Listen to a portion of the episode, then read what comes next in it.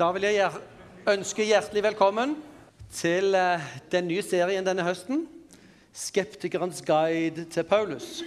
Her i Misjonshuset Kristiansand så har vi jo hatt en, del sånne serier eh, en stund. Eh, og eh, det har gått på litt forskjellige ting. Vi har hatt 'Skeptikerens guide til påsken'. Ehm, og nå har vi da 'Skeptikerens guide til Paulus'. Eh, og dere får slåss om hva, hvilken skeptikerens guide som kommer til våren. Eh, vi har noen tanker og noen drømmer. Når vi har skeptikerens guide til Paulus her, så er, ikke det for å gjøre oss til skeptikere, men fordi skepsis iblant er veldig viktig. Vi trenger skepsis for å kvitte oss med vanetenkning. Vi trenger skepsis til å ta fra oss livsløgnene, sant? de lettvinte svarene. I det øyeblikket du får de kritiske spørsmålene, så er du nødt til å tenke på nytt. Vi lever jo også i en tid hvor, vår hvor skepsis til kristen tro er ganske stor. Blant de som mener seg å vite noe om kristen tro, så er det ofte en ganske stor skepsis til hva kristentroen står for. Eh, blant noen grupper. Andre er veldig positive. En del av de stemmene som er kritiske, er de vi hører fremst i mediene. Eh, og Det betyr at de stemmene som er skeptiske til kristen tro, bl.a. Paulus og Bibelen, det er de stemmene som, som veldig mange hører, hører omkring oss i vårt samfunn, og som ikke går i bedehus og kirker, og som ikke kommer til bibelskoler. De stemmene de hører, er de kritiske og skeptiske. Og Ganske ofte får man jo befestet sine fordommer omkring religion og kristendom gjennom det som sies også. Så vi syns det er flere grunner til at vi skal lytte til de skeptiske spørsmålene for å prøve å finne bedre svar. Det fins ulike typer skeptikere. Det fins de skeptikerne som bare er skeptiske fordi de ikke vil forholde seg til noen ting.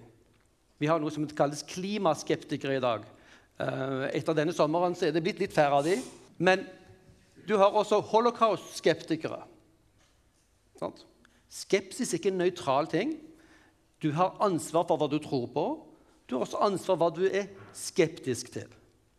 Hvis du er skeptisk til din ektefelle, ja, det kan bli en utfordring. Har du rett til den skepsisen? Må du sette på henne en GPS for å vite nøyaktig hvor hun går? Ja, dessverre, noen ganger så kan det se sånn ut at vår skeptisk er, skepsis er berettiget. Men et sånt liv vil jo undergrave alle relasjoner. Hvis skepsis er bra, noen typer skepsis er viktig, andre typer skepsis er helt forkastelig. Noen typer skepsis er der bare for at folk ikke vil forholde seg til spørsmålene. Andre typer skepsis er for folk allerede tror så bastant fra før. De er så sikre på det de er overbevist om, at de ikke engang er åpne for å lytte til andre svar. Med skeptikerens guide til Paulus så ønsker vi å ta deg inn i spørsmål omkring Paulus sitt liv som du kanskje ikke har stilt deg selv før. Det vil utfordre deg, men det vil også kunne gi deg nye innsikter om denne personen, om den kristne tro, og også gi deg en hjelp til samtale med mennesker som ikke har slik en tillit til Paulus, eller som ikke har tillit til den kristne troen i det hele tatt. Så vi ønsker å ha en ærlig, åpen, skeptisk holdning til spørsmålene. Og vi skal også ha en skeptisk holdning til alle de påstandene som kastes rundt omkring Paulus, også i mediene, ja, selv blant forskerne. Eh, I eh, forberedelsen til dette har jeg jo fått, fått jobbet gjennom en god del litteratur jeg ikke har vært borti før. Det har vært kjempeinteressant. Um, og vi har faktisk fått litt hjelp av populærkulturen i å løfte fram dette temaet. La meg først si litt om serien. Um, vi skal ha fire onsdager. Første onsdagen i morgen, onsdagene i måneden her i høst. Den første kvelden, som er i kveld, skal vi stille spørsmålet Har Paulus forvrengt Jesu budskap? Det er en av oppfatningene som er ganske utbredt, og som kristne må forholde seg til. Hvis det er tilfellet, så burde jo ikke kristne heller tro på Paulus. Har Paulus en forkastelig moral? Noe av grunnen til skepsisen til Paulus i vår kultur er at man ser for seg at Paulus er ekstremt konservativ og negativ. Foraktelig mot kvinner. Han synes å være for slaveriet og gjennomgående moralistisk og selvgod. Er det et rett bilde av Paulus? Er det en fair beskrivelse av han? Har Paulus en forkastelig moral? Og hvilke moralske standarder har vi som gir oss rett til å dømme en som levde for 2000 år siden? Det er et spørsmål selvfølgelig følger med dette. Hvilken rett har vi til å dømme andres moral? Støttet Paulus slaveriet? En av eh, påstandene som ofte dukker opp, er eh, Paulus sitt utsagn om slaveriet. Slaver, vær lydige mot deres herrer. Vi som har eh, minnene ikke om den, i den nære fortid, men vi som vet veldig godt om den vestlige slavehandelshistorien, vi fryser på ryggen når vi hører dette. Og når vi også vet at kristne har brukt dette, og har brukt Paulus til forsvar for den moralsk fullstendig forkastelige praksisen som det slaveriet hadde for noen hundre år siden, og som kristne i stor grad var med å avskaffe. Siste kvelden i desember så stiller vi spørsmålet via hvorfor høre på Paulus. Har han noen autoritet? Hvilken autoritet har han? Er det riktig å kalle Paulus en apostel? I så fall hvorfor? Dette her er utfordrende spørsmål, det er skeptiske spørsmål. Og det er jo egentlig litt sånn at, at ja, det er gode spørsmål til de som på forhånd tror på Bibelen. Og egentlig fortjener de svar på disse spørsmålene. Og de utfordrer oss som tror, til å gå tilbake igjen og undersøke og stille spørsmålene som vi enda ikke har stilt. Opplegget kommer til å bli sånn som eh, vi har pleid å ha det her på disse kveldene. Ehm, vi har eh, undervisning i to bolker. Vi har en pause med litt befruktning, kaller vi det, i pausen. Får litt frukt, det skal være sunt og miljøvennlig. Sant? Og litt kaffe. Um, og um, etter pausen også litt undervisning. Før pausen så ønsker vi gjerne at dere skal komme med noen spørsmål sant, som berører Paulus og det, noe av det som vi har formidlet. Sånn at vi også skal få litt interaktivitet, at dere, dere skal få være med på dette. Så gjerne ha det i mente, at dette er også deres anledning til å stille de utfordrende spørsmål. Uh, og husk, her her er det ikke å banne i kirka og stille de vanskelige spørsmålene. Her er du invitert nettopp fordi vi vil lytte til spørsmålene. Og eh, kan ikke svare på spørsmålet, ok, da skal jeg gå hjem og gjøre hjemmeleksen til de neste gangene. Det skal jeg love. Ja. I sommer kom denne boken ut, som heter Kodeks. Hvor mange av dere har hørt om den boken Kodeks. Hvor mange av dere har lest den boken Kodeks? Ja, noen? Det er flott. Det er Tom Egeland som har skrevet boken. Han er jo en stor forfatter i Norge med en hel serie med bøker. Dessverre ser det ut som om han egentlig uttrykker at dette var kanskje den siste i serien om, eh, om uh, den hovedpersonen, den politimannen eller detektiven. Uh, Bjørn Beltø, som var hovedpersonen i boken. Vi får se på det, men han har i hvert fall greid å, å um, lage ordentlig salutt med denne. Fordi at inni denne boken så er det ganske, ganske heftig kritikk av Paulus og kristendommen og kristendommens historie. Ja, det her er jo bare en roman, kan vi tenke. Akkurat som med Da Vinci-koden. Den kom for en 10-12 år siden. Det er jo bare en roman. Utfordringen er at folk tror på det de hører. Også med Da Vinci-koden. Til og med folk som vi kunne tro var, var beleste akademikere, de slukte da Vinci-kodens konsepter uten å evne å tenke kritisk. Sant? Og Da Vinci-koden er helt håpløs faglig. Denne boken her vel, det er mange problemer, men den har faktisk ikke så, eh, er så komplett problematisk som Da Vinci-koden. Han sier sjøl i, i, slutten av boken at han har konsultert en del viktige tenkere. Kesa Fermesh, en, en tidligere professor i Oxford bl.a. En stor jødisk, eh, jødisk kjenner av Nytestamentet. Og, og noen andre.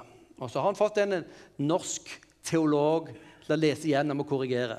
Jeg må jo si at han, Teologen har gjort en skikkelig pinlig dårlig jobb, vil jeg bare si.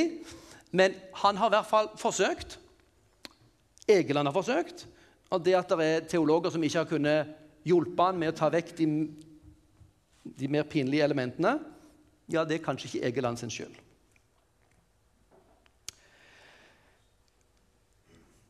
Denne boken gjør jo at um, Paulus er på agendaen. Sånt. Det er en person som er gjemt i en svart bok som ligger gjemt inni bokhyllene til folk hvis folk fortsatt har Bibel. De har lært om den i KRL og kristendom.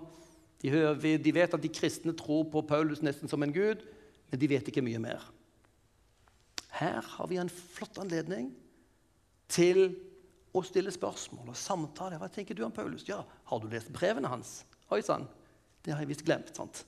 Eh, men det er faktisk veldig lett å lese seg gjennom mye av grunnlagslitteraturen for dette gans noen ganske få minutter. La oss eh, se litt hva konseptet er her. Altså, for bare for å si det, Konseptet i boken til Tom Egeland er det at eh, det er en oppdagelse i Roma.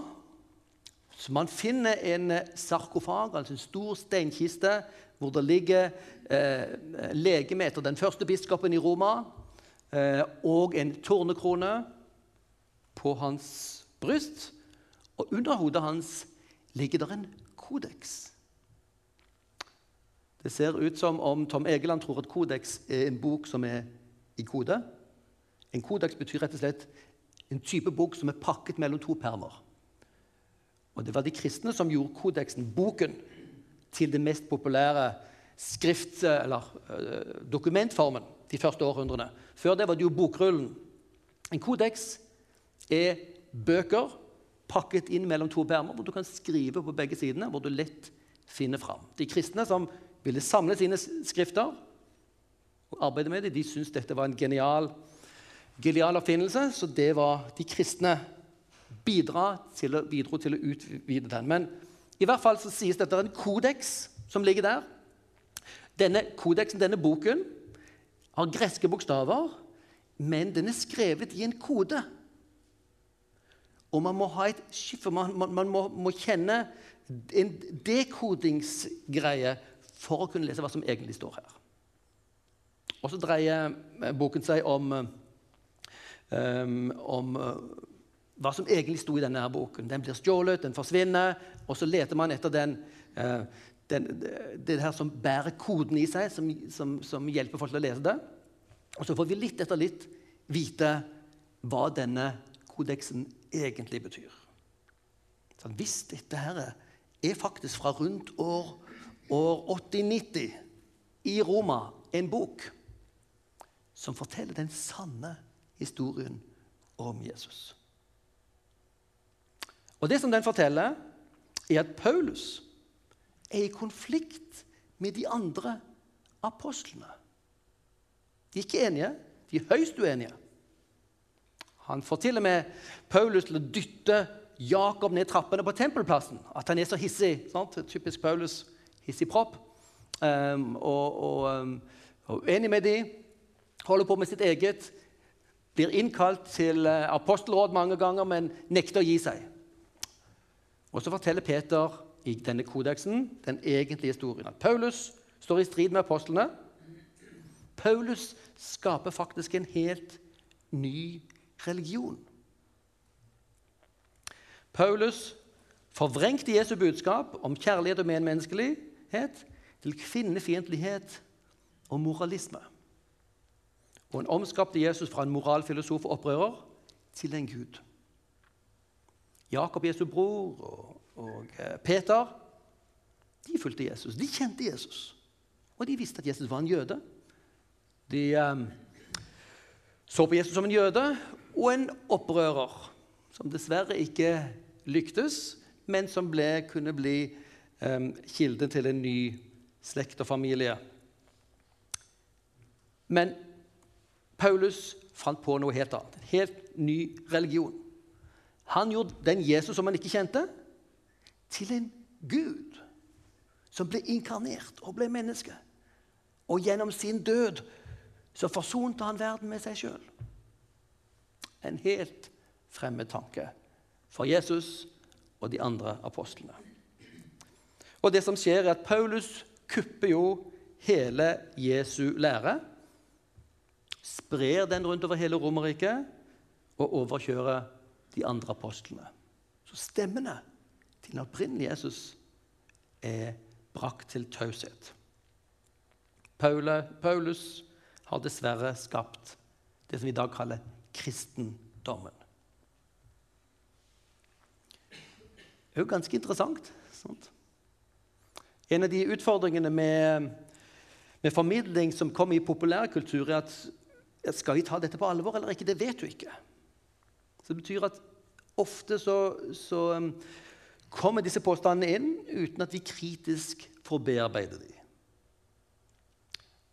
Og eh, jeg tror nok ganske mange tenker sånn som eh, broder Tom Egeland. Eller syns dette er veldig interessant. Det passer veldig med det bildet de fra før har av kristendommen. At Jesus kan, være, kan ha vært en grei kar, men Paulus har nok sikkert ødelagt det.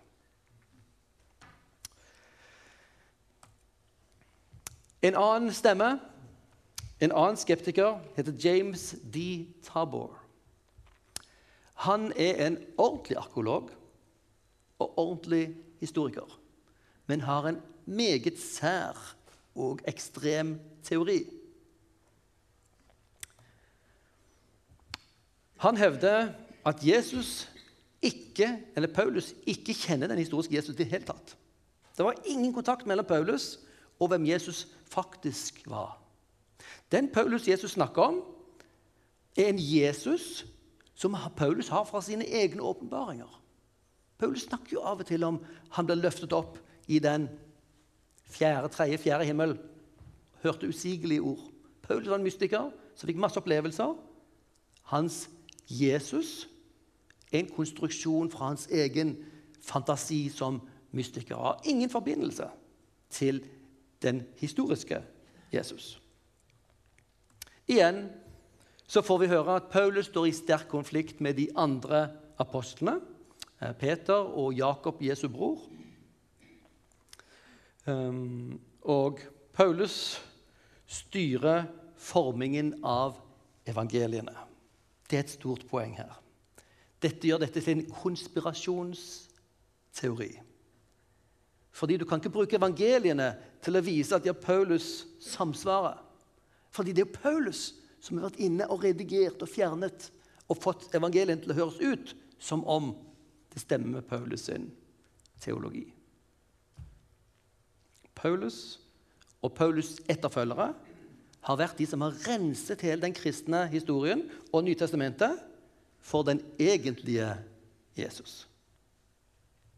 Det høres nesten litt ut som Da Vinci-koden, men dette er skrevet av en ordentlig fagperson som riktignok er fagperson på arkeologi og har oppfatninger og teorier som ikke mange historikere følger. Men ser dere for dere en som heter for Tom Egeland, som kommer over denne boken, så vil det være fantastisk spennende. Igjen sies det at Paulus er skaperen av kristendommen. Det er jo interessant at uh, den teorien han bygger opp her, at det er ingen forbindelse mellom Paulus og Jesus, den avhenger av en god del faktorer. Det er som et korthus. Hvis en av de faller, så ramler korthuset sammen. F.eks. hvis det stemmer at Paulus sier 'det jeg har overtatt', det jeg selv har fått overlevert, har jeg levert videre til dere. Hvis det betyr at Paulus faktisk har gjort det som i den kulturen, jødiske kulturen betyr å over, eh, overlevere noe du har lært sjøl fra andre At Paulus har tatt imot dette fra Peter og de andre apostlene, fortellingen om Jesus, kanskje muntlig, overlevere det, videre, overleverer det videre til korinterne f.eks. Hvis det er det det betyr, så faller hele korthuset til James Tabor sammen. Og Det er det de fleste teologene i dag er ganske enige om. Paulus står i en jødisk tradisjon hvor overlevering å lære å pugge og lære ordrett hva som, hva som skjedde, og disse viktige tradisjonene, og levere de videre. Men det er veldig interessant og veldig radikalt. Paulus er igjen skaperen av kristendommen som vi kjenner i dag. Og det er jo interessant at både han og kanskje også Tom Egeland snakker om ja, hvis, hvis bare kristne kunne oppdage dette, at det er Paulus som har forvansket dette her, så kunne jo også samtalen med muslimene bli mye bedre. For muslimene kan jo ikke tro på noen eh, Guds sønn. Det er en umulighet. Og det er jo egentlig det samme som de første apostlene Jesus sto for. at Han var jo ikke Guds sønn. Han var jo en moralfilosof og en, eh, en opprører. Hvis kristne bare kunne legge vekk Paulus, så kunne vi også fått litt fred mellom religionene. ikke det interessant? For her har vi nemlig eksempel på en uh, kjent uh, muslim som En av de fremste eh, muslimske apologetene. Dere kan høre masse videoer med han på, på, nettet.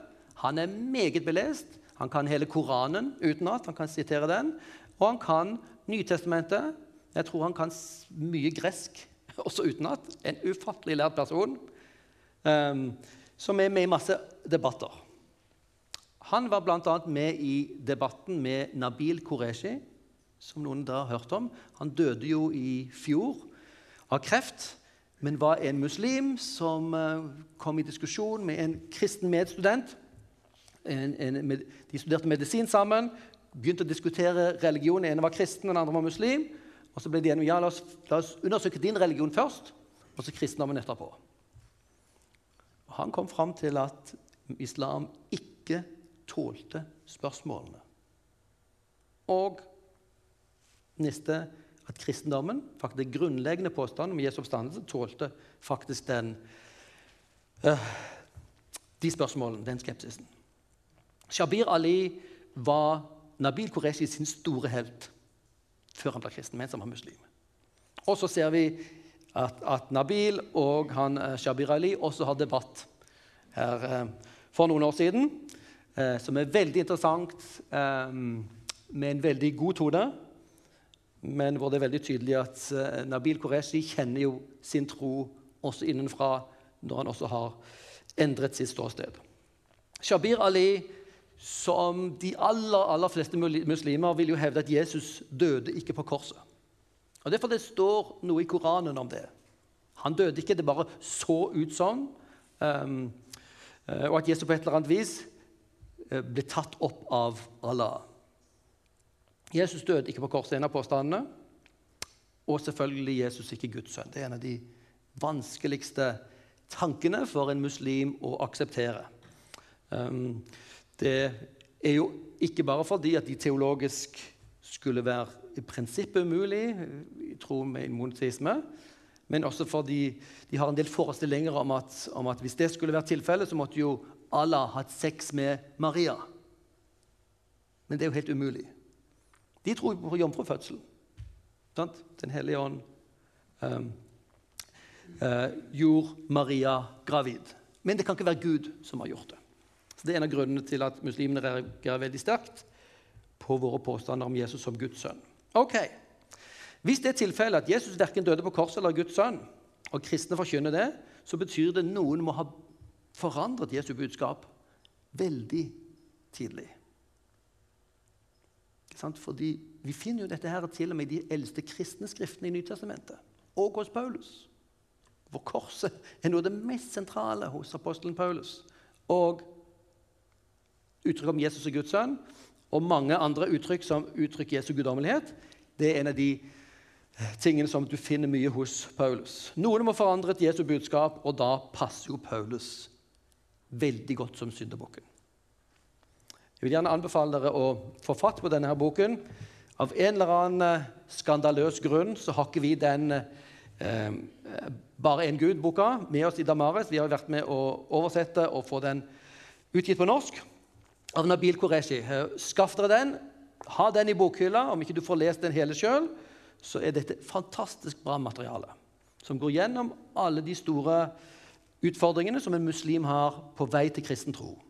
De intellektuelle spørsmålene. Ikke de andre spørsmålene. ikke sant? Sosiale, personlige osv. Som også kan være kjempeutfordrende. Men dette er, er eh, den intellektuelle forklaringen av det som kom opp i hans bok. Søkte Allah og fant Jesus. En bok dere også burde ha. Det er Paulus. Han kjente ikke Jesus. ikke sant? Han kom jo ut fra sidelinjen og han forfalsket Jesu lære. Han brakte inn disse ideene om Guds sønn og forsoning osv. Så, videre. så dere ser den skepsisen til Jesus og koblingen mellom Jesus og Paulus den finnes mange steder. Det er jo et godt spørsmål. Kjempegodt spørsmål. La oss, se. La oss først si litt om eh, generelt om Paulus. Paulus er jo en viktig person å kjenne til uansett hva du tenker om han. Om du liker han eller ikke, så har jo han formet kristendommen. Det vet vi. Om han har oppfunnet kristendommen, er jo en helt annet spørsmål. Men han har formet den kristne troen på en ufattelig grunnleggende måte. Det er interessant at, at måten han har gjort det på, er gjennom brev. Kanskje vi burde begynne med brevskriving igjen, venner. E-post og SMS og tweets kommer ikke til å overleve så mange generasjoner. Men gjennom hans personlige brevskriving så har han eh, hatt en enorm innflytelse på hele Vesten. Og faktisk er det slik at Brevene som han har skrevet, gir et helt unikt innblikk i personen Paulus. Det er ikke mange fra antikken som forteller så personlig om sine kamper, om sine nederlag, utfordringer, sine lengsler. Sant? Vi vet sånn historisk sett veldig mye om Paulus sin person. Så er det noen huller. Vi skulle gjerne visst en del ting til. Men faktisk rent historisk sett så vet vi veldig mye om Paulus ut fra hans brev. Og faktisk ut fra, også fra Lukas' apostels gjerninger som ble skrevet av Lukas, som var Paulus' sin lege og venn og følgesvenn på, på reisene hans. Og Hvis du undersøker det, så finner du at både Lukas og apostlenes gjerninger viser seg å ha enormt god detaljkunnskap om historiske, kulturelle opplysninger. Så eh, han har greid å få de tingene vi kan sjekke, riktig. Og, gjennom, og vi vet jo alle apostelgjerningene dreier seg jo om Paulus og hans misjonsvirksomhet. Eh, og egentlig Paulus' en vei helt fra ja, der hvor han ble vendt, omvendt i, i, Damaskus, til han kommer til Rom. Eh, og da er liksom temaet til verdens ende. Fra Jerusalem til verdens ende, som hele apostelens gjerning begynner med. Eh, om Jesu budskap, om at dette nye budskapet skal ut fra Jerusalem, Judea, Samaria helt til verdens ender. Den personen vil følge apostelens gjerninger. Og Paulus er knyttet til forfatteren Lukas, som vi sa.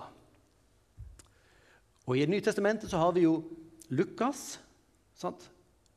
som et av de lengste evangeliene å lese. Og så apostelens gjerning i tillegg.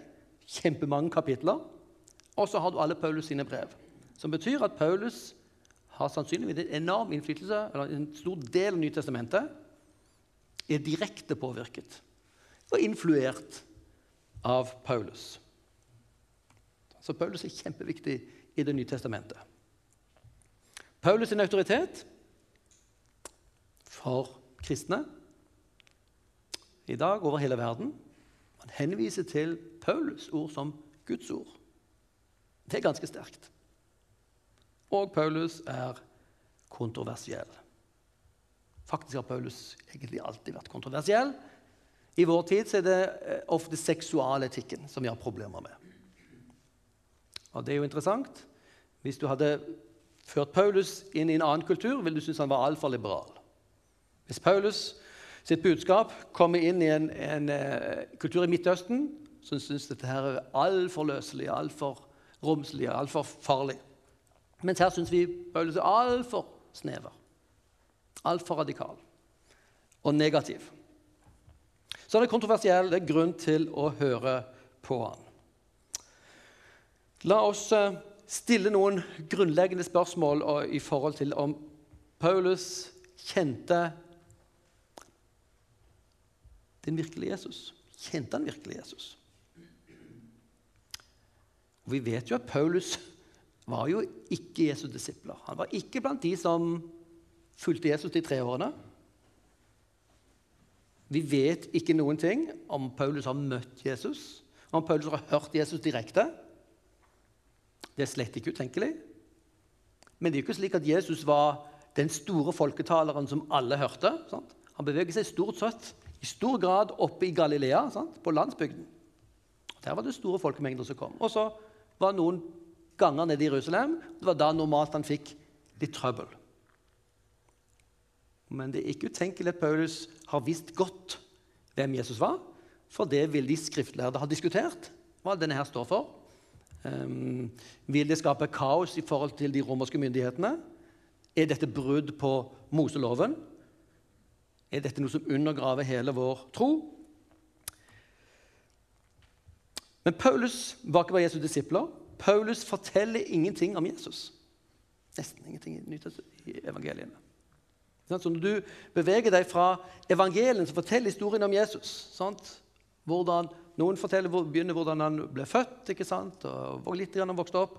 Og så er det hvordan han reiste rundt og forkynte, hva han forkynte. Og hvordan han led og døde og sto opp igjen. Når du kommer til Paulus, hører nesten ingenting av det. Det er små biter om det. Paulus forteller oss jo nesten ingenting om Jesus. Det kan virke som Paulus ikke kjenner fortellingen engang. For når Paulus underviser, så tar han ikke alltid bry engang med å henvise det når han kunne gjort det.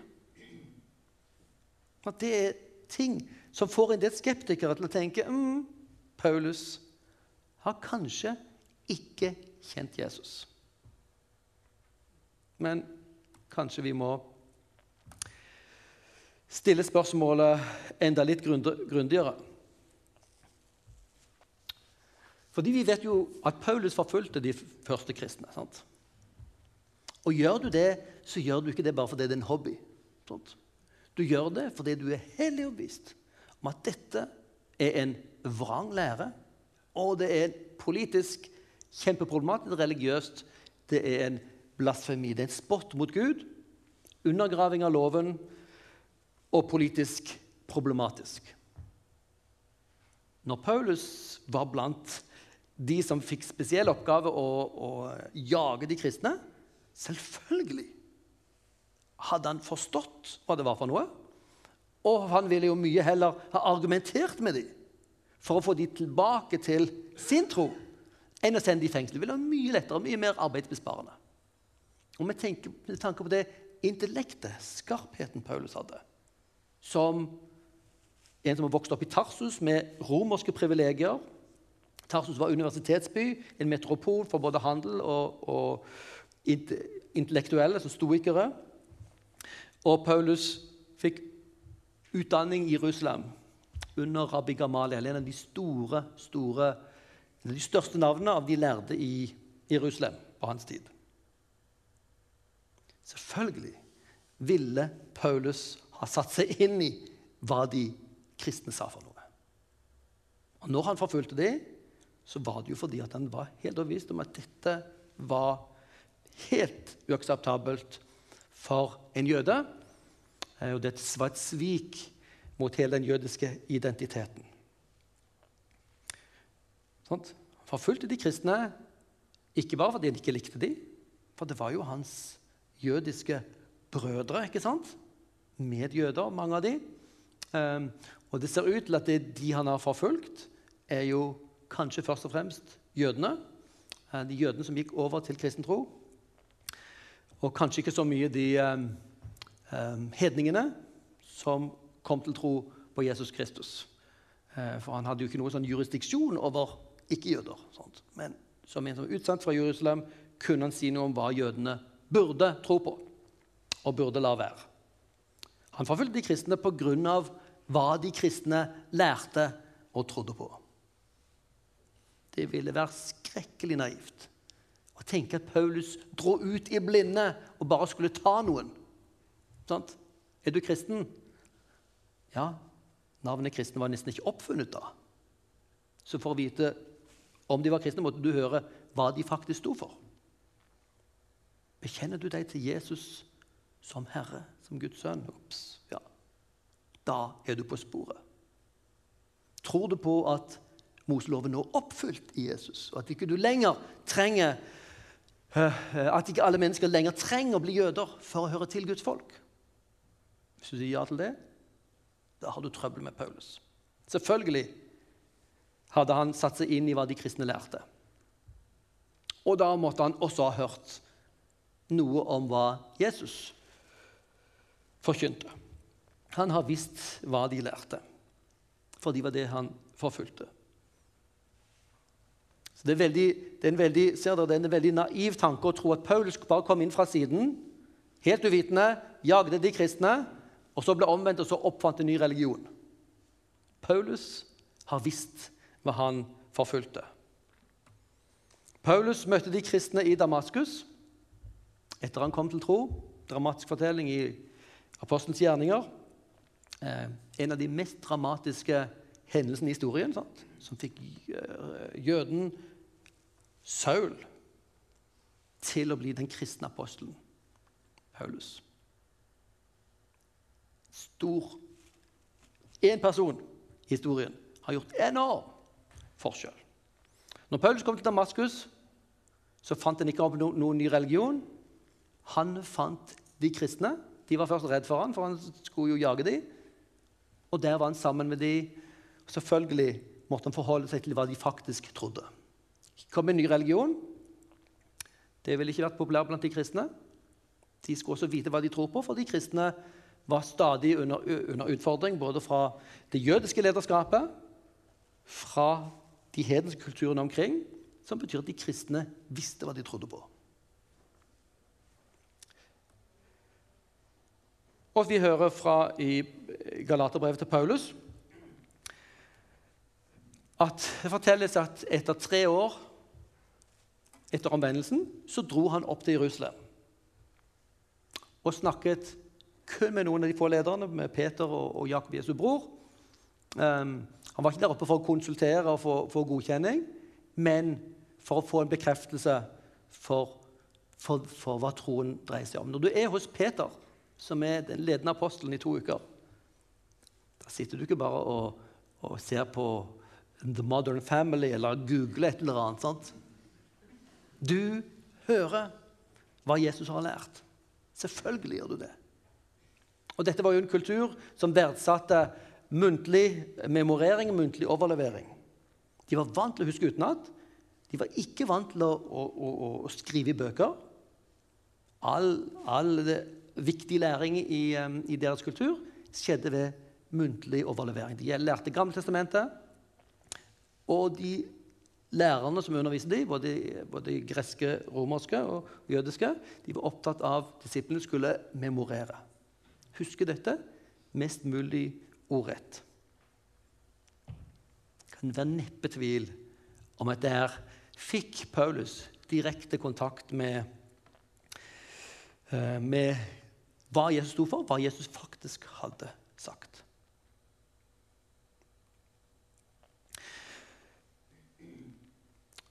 Og vi kan jo si med en gang Når vi ser, ser, eh, ser på Paulus, så er det jo ikke slik at, at, at den historiske Jesus mangler fra hans brev. Sant?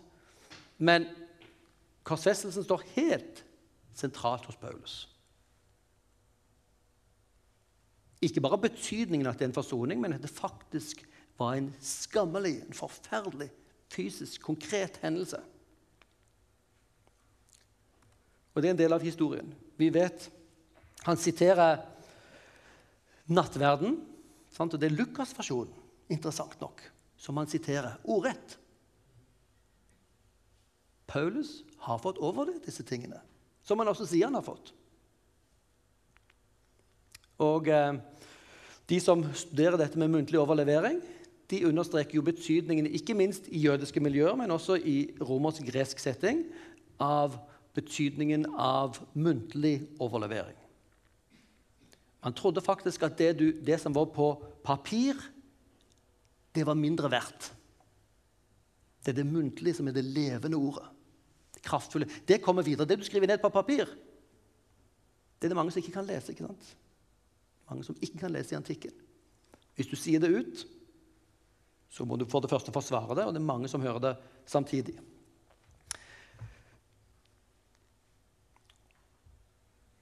Paulus snakker i Galaterne 3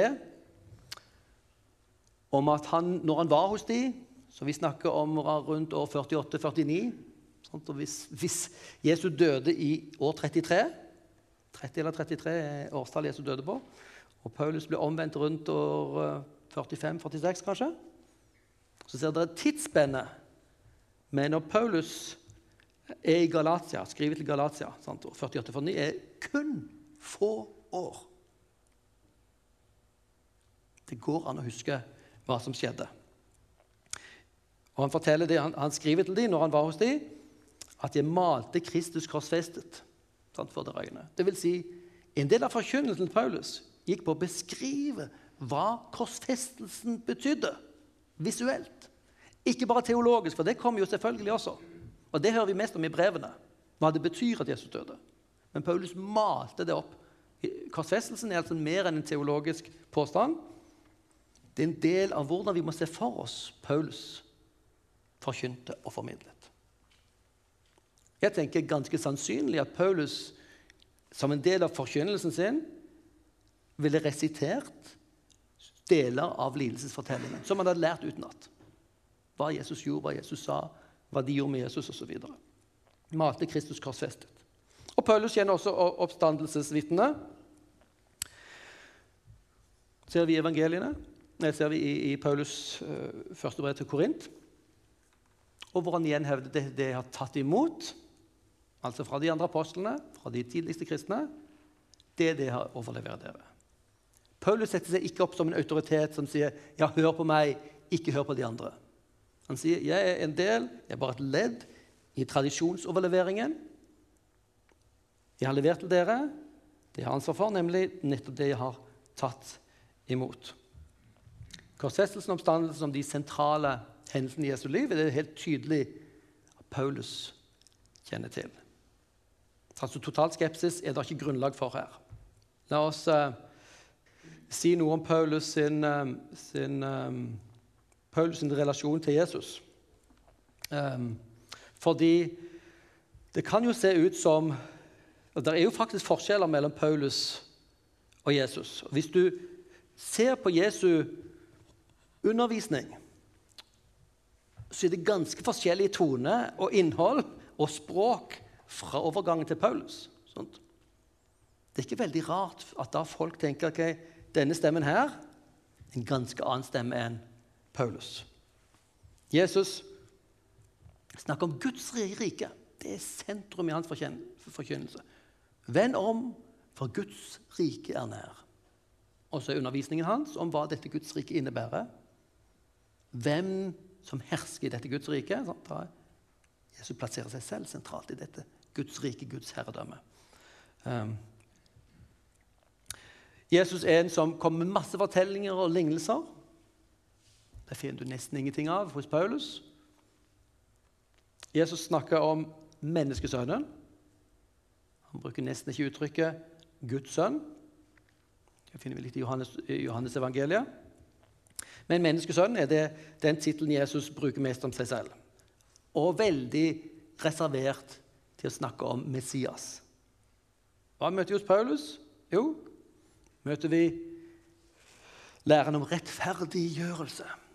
Det å stå rettferdig overfor en hellig Gud, det er da nøkkelen, det er kjernen i kristendommen. Og det, det skjer ved at Guds dom rammer Jesus på korset. Sånn at du sånn at, si, hans, um, hans død på korset soner din synd. Det høres jo ganske forskjellig ut fra forkynnelsen av Guds rike. Gjør det ikke det? Så tenk etter. Guds rike er dynamisk, noe som utbrer seg, sant? som kommer. Og så har du læren om rettferdiggjørelsen, som synes å være noe som skjer overfor Gud. Sant? For Guds trone. Det er en, en omveksling, en betaling, som skjer i Guds sfære. Hvor han tilgir oss våre synder ved at han har lagt det allerede på Jesus. Hos Paulus så møter du masse dogmatikk. Og det er jo, Jeg syns det er en, en, en, god trøst at Peter, når han skriver i sitt andre brev, så sier ja, eh, mye av det Peter skriver, er vanskelig å forstå. Peter var ikke en lærd person, altså i form av utdannet. Han syntes sjøl Paulus var vanskelig å forstå. På en helt annen måte enn Jesu type dogmatikk. Og han snakker ganske tydelig ikke minst om Jesus som Kristus. En veldig gjennomgående tittel, han som betyr Messias. En tittel Jesus unngikk å bruke. Det snakket vi litt om i vår og snakker om Jesus som ganske klart som Guds sønn. Så er da spørsmålet mm, Hva skal vi gjøre med dette? Er det, står de for det samme, eller står de egentlig for helt ulike trossystemer, um, religioner? La meg se om jeg skal se på én ting i, før, vi, um, før vi tar en liten pause.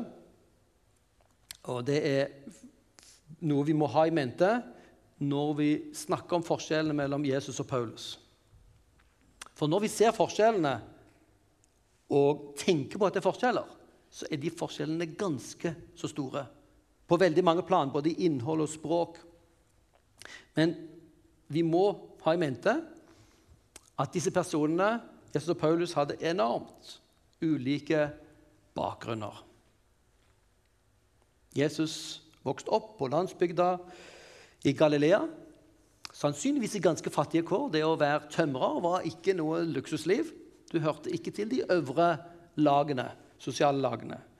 Og så Paulus vokste opp i metropolen Tarsus av foreldre som var romerske borgere. Da er du privilegert. Og eh, Tarsus var som sagt også en universitetsby.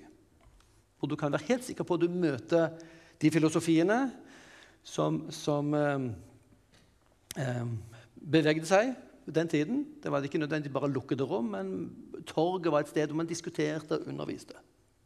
Paulus kjente veldig tydelig kan vi se mange steder, Han siterer greske diktere. Kjente greske kulturen også. De hadde ulik utdannelse, Jesus og Paulus. Så langt vi vet, hadde ikke Jesus annen utdannelse enn det som enhver jøde blir til del, skal lære noe om Moseloven. Sannsynligvis lære den utenat og lære å stille gode spørsmål. Mens Paulus, i tillegg til å lære hele Gammeltestamentet utenat, lærte om alle mulige tolkninger av Det gamle testamentet. Diskusjonen blant de lærde um, Hillel og Shammai var to ulike skoler som hadde veldig forskjellig profil. Um, og de diskusjonene, og Da var det viktig å kunne, være, kunne, lære å argumentere. Vi ser det på Paulus sine brev og Paulus sin måte å skrive på. Han er en lærd person som kan de grepene som rabbinere, de lærde, skulle. Det var ulike språk og kulturer. selvfølgelig. Jesus talte sannsynligvis på arameisk, som var det vanlige folkelige målet blant uh, vanlige jøder på den tiden. Som, litt som, som en engelsk er. Mens Paulus vet vi i hvert fall skriver på gresk. Kan helt sikkert aramesk um, og ganske sikkert latin.